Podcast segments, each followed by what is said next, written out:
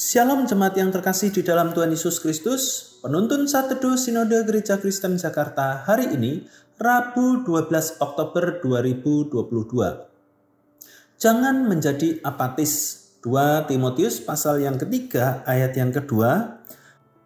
Manusia akan mencintai dirinya sendiri dan menjadi hamba uang. Mereka akan membual dan menyombongkan diri, mereka akan menjadi pemfitnah, mereka akan berontak terhadap orang tua dan tidak tahu berterima kasih, tidak mempedulikan agama. Seorang penderita asam lambung tentunya ada pantangan makanan yang harus dihindari seperti makanan pedas dan asam. Namun ketika diri seseorang tidak peduli akan pantangan tersebut hanya akan mendatangkan kerugian bagi dirinya.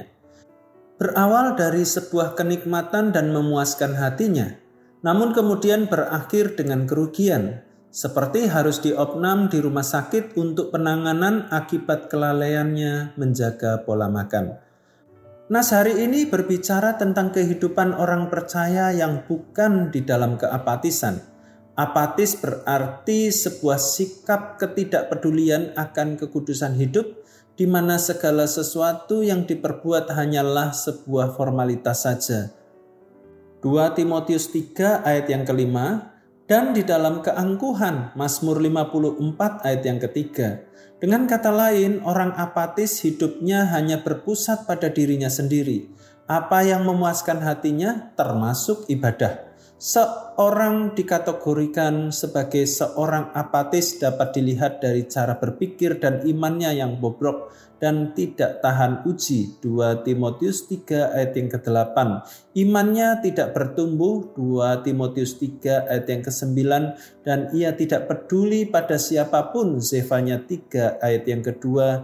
Yang ia pikirkan hanyalah apa yang berkenan di matanya, bukan di mata Tuhan. 1 Tesalonika 2 ayat yang ke-15. Apa yang harus kita lakukan agar tidak menjadi orang yang apatis? marilah kita berpegang teguh pada kebenaran firman Tuhan. 2 Timotius pasal 3 ayat yang ke-14 dan menghidupi kebenaran firman dalam perbuatan baik 2 Timotius 3 ayat yang ke-17. Seorang apatis biasa banyak berretorika tanpa sebuah aksi nyata.